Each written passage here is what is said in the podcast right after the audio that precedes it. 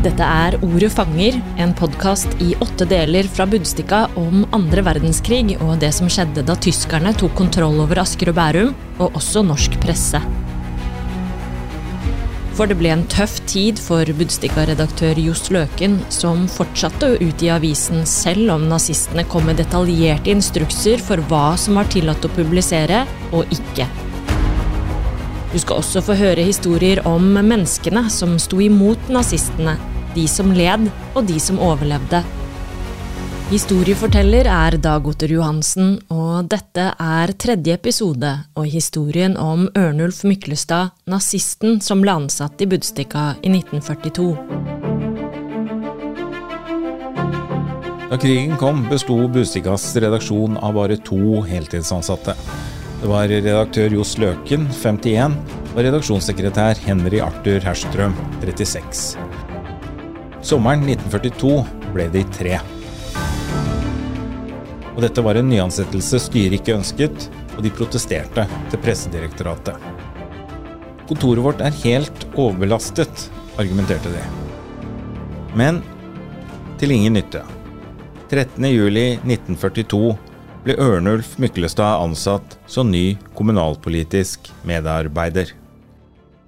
Ifølge Prestedirektoratet så var denne ansettelsen nødvendig, fordi de hadde mottatt en rekke klager på Budstikkas holdning til Nasjonal Samling.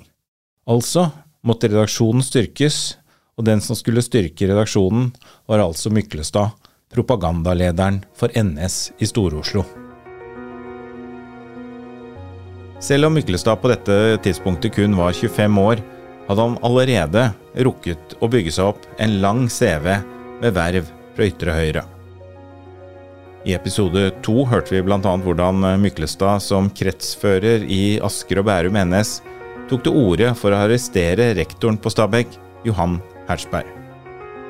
Men han hadde også vært aktiv i ulike ungdomslag i NS. I Bergen NS, og til slutt altså propagandaleder i Store-Oslo NS, før han ble utpekt til medarbeider i Budstikka. Da han kom dit, var arbeidsoppgavene nøye beskrevet. Han skulle ha ansvar for 1. Journalistisk behandling av kommunalt stoff, fortrinnsvis det som særmerker den nye tids styre. 2. Gjennomsyn av artikler og lignende som berører politiske spørsmål i videste mening. 3. Føre tilsyn med overskrifter og utstyr på så vel innen- som utenrikske begivenheter. 4. Utarbeide politiske kommentarer, redigere bladets politiske opplysningsvirksomhet. Lønnsforhandlingene tok Pressedirektoratet seg av. De bestemte at den skulle være 6000 kroner i året, og den måtte Budstikka betale. Selve ansettelsen ble ikke omtalt, og det var ikke redaksjonsvalg, men kom som krav fra Pressedirektoratet. Det ønskes for tiden ingenting offentliggjort om denne ansettelse, skrev pressedirektør Anders Beggerud. Den nye Bustika-medarbeideren var legesønn og oppvokst på Frogner. Som niåring besøkte han Norsk Folkemuseum, og dette besøket vekket hans interesse for norsk bondeliv og norsk bondekultur.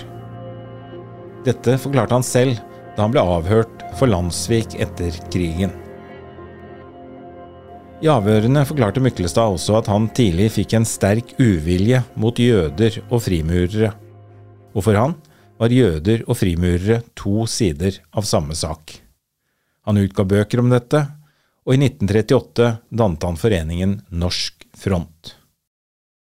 Offisielt var dette en forening uavhengig av NS, men Norsk Front rapporterte direkte til partifører Vidkun Quisling, en mann med politiske ideer som appellerte direkte til Myklestad. Når Ørnulf Myklestad ble medlem av NS, er ikke helt sikkert. I partiboken fra 1937 står han oppført som NS-medlem fra 1934. Myklestad selv mente dette var feil. Han var blitt medlem året før, og dette var så viktig for han at han sendte et brev til partiledelsen. Da jeg tror at jeg har vært blant de mest aktive medlemmer av bevegelsen, og blant de meget få som fullt og helt gikk inn for bevegelsen da svært mange andre sviktet, mener jeg at det er både en pietetssak og en rettferdssak at jeg får medlemskapet regnet fra 1. oktober 1933. Heil og sæl.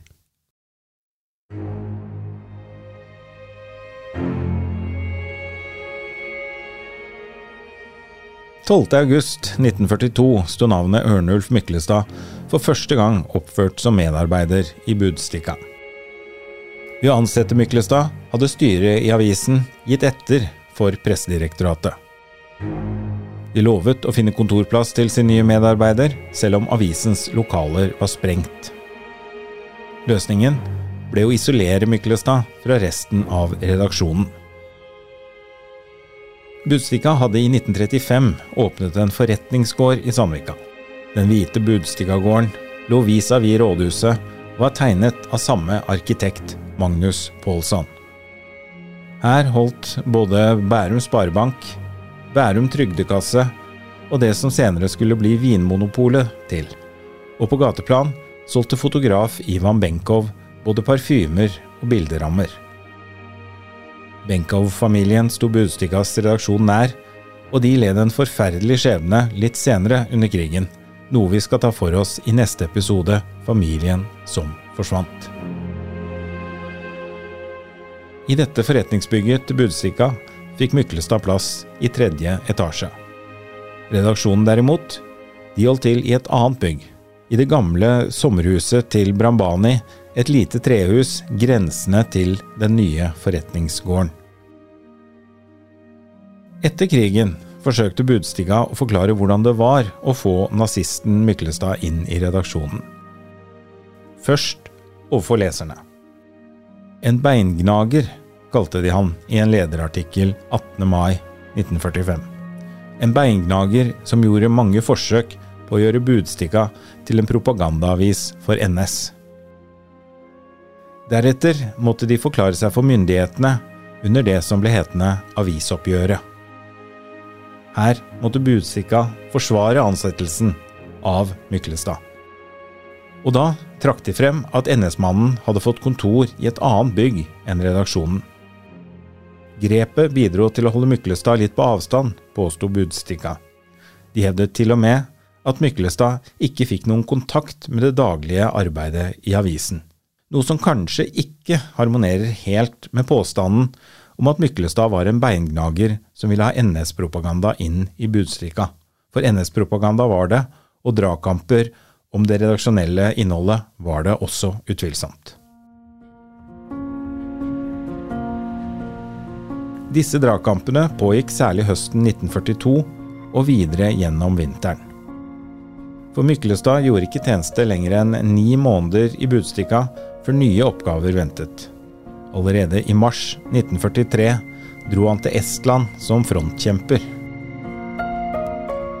Her ble han til sommeren året etter. Tilbake i Norge var det ikke bare Budstikka som fikk hans oppmerksomhet. Myklestad startet også et eget forlag, Brage forlag, og utga flere bøker. En av disse var Sions viseprotokoller. Denne boken, hvor Myklestad angriper det jødiske verdensherredømmet, er blitt ansett som et nøkkelverk på denne tiden innen antisemittisme. Som følge av dette ble arbeidet i redaksjonen redusert for Myklestad. Den kommunalpolitiske medarbeideren dukket som regel kun opp noen formiddagstimer de dagene avisen skulle utgis. Og 23.2.1945 sluttet han. Noe av det siste Myklestad gjorde, var å ta inn en serie artikler av NS-medlemmet Haldis Negård Østby med sterkt antijødisk innhold. Trolig skrev han selv også. 6.2.1945 sto i hvert fall lederartikkelen 'Jødisk terror' på trykk. Den må være både døv og blind som ikke fatter at det er jødenes mål å vinne herredømme over hele verden.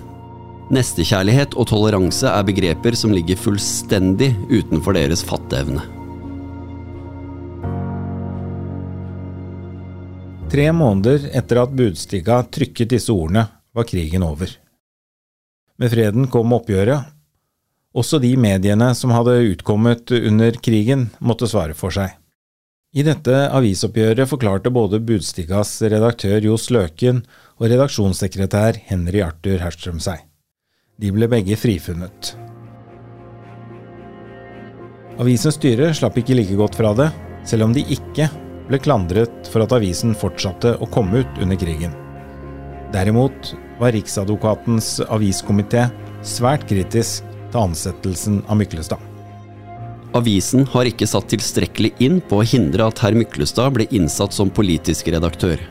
Komiteen er ikke overbevist om at det ikke ved en mer energisk opptreden fra styrets side ville ha lyktes å forhindre ansettelsen. Noen anledning til straffeforføyning gir dog dette spørsmål ikke. I stedet for straff fikk Budstikka 50 000 kroner i bot. Dette skulle være en inndragelse av penger avisen hadde tjent på å bringe tyskorienterte artikler og nazistisk propaganda. Boten ble senere ettergitt, og hele denne historien hører du i den åttende og siste episoden. Hva så med Myklestad? Han ble tiltalt under Landsvik-oppgjøret, og i rettssaken påsto han at han ikke hadde blitt NS-medlem for personlig å tjene på det. Mitt politiske arbeid har alltid vært en plage for meg selv. Jeg følte det som en moralsk plikt å gå inn for partiet, da partiets og Norges interesser sto for meg som en og samme ting. Jeg følte det den gang som forræderi mot det jeg mente var Norges interesser, dersom jeg av makelighetshensyn ikke gjorde det som jeg trodde var min simple plikt. Myklestad fikk syv års tvangsarbeid, noe som var en ganske hard dom. Tross denne dommen beholdt han sitt eh, grunnsyn på nazismen. Han skrev for naziavisen Folk og Land, og allerede i et innlegg på 50-årene stilte han spørsmål ved jødeutryddelsene. Etter å ha sonet dommen slo han seg opp på helsekost og tarmel på boks. Og Myklestad ble en formuende mann. Tre år før han døde, i 2001, kunne han donere bort 2,7 millioner kroner. Mottakeren av disse pengene var Oslo domkirke, og pengene skulle gå til nytt klokkespill. Klokkespillet består av 48 klokker og henger der fortsatt. Den største veier 680 kilo og har en inngravert hilsen. Dette klokkespillet skal lyde Gud til ære og mennesker til glede. Klokkespillet er en gave til Oslo domkirke fra disponent Ørnulf Torbjørn Myklestad, født 19.6.1917. Måtte det lyde i mange, mange år fremover, til glede for alle som bor i Oslo, eller gjester Norges vakre hovedstad.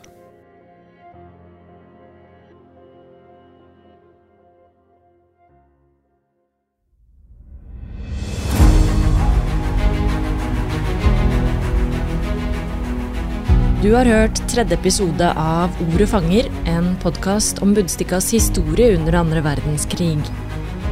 I neste episode får du høre historien om fotograf Ivan Benkov og familien som forsvant. Historiene du får høre i denne podkasten, baserer seg på et magasin som Budstikka utga i 2018. I det arbeidet ble Budstikkas eget avisarkiv brukt, i tillegg til en rekke nasjonale og lokale arkiver og andre skriftlige og muntlige kilder. Tekstene til denne episoden er skrevet av Kine Thorsen og Sissel Wold. De ble bearbeidet og lest av Dag Otter Johansen og Morten Øverby. Produsent er meg, Ingvild Vederhus. Konstituert ansvarlig redaktør er Anniken Renslo Sandvik.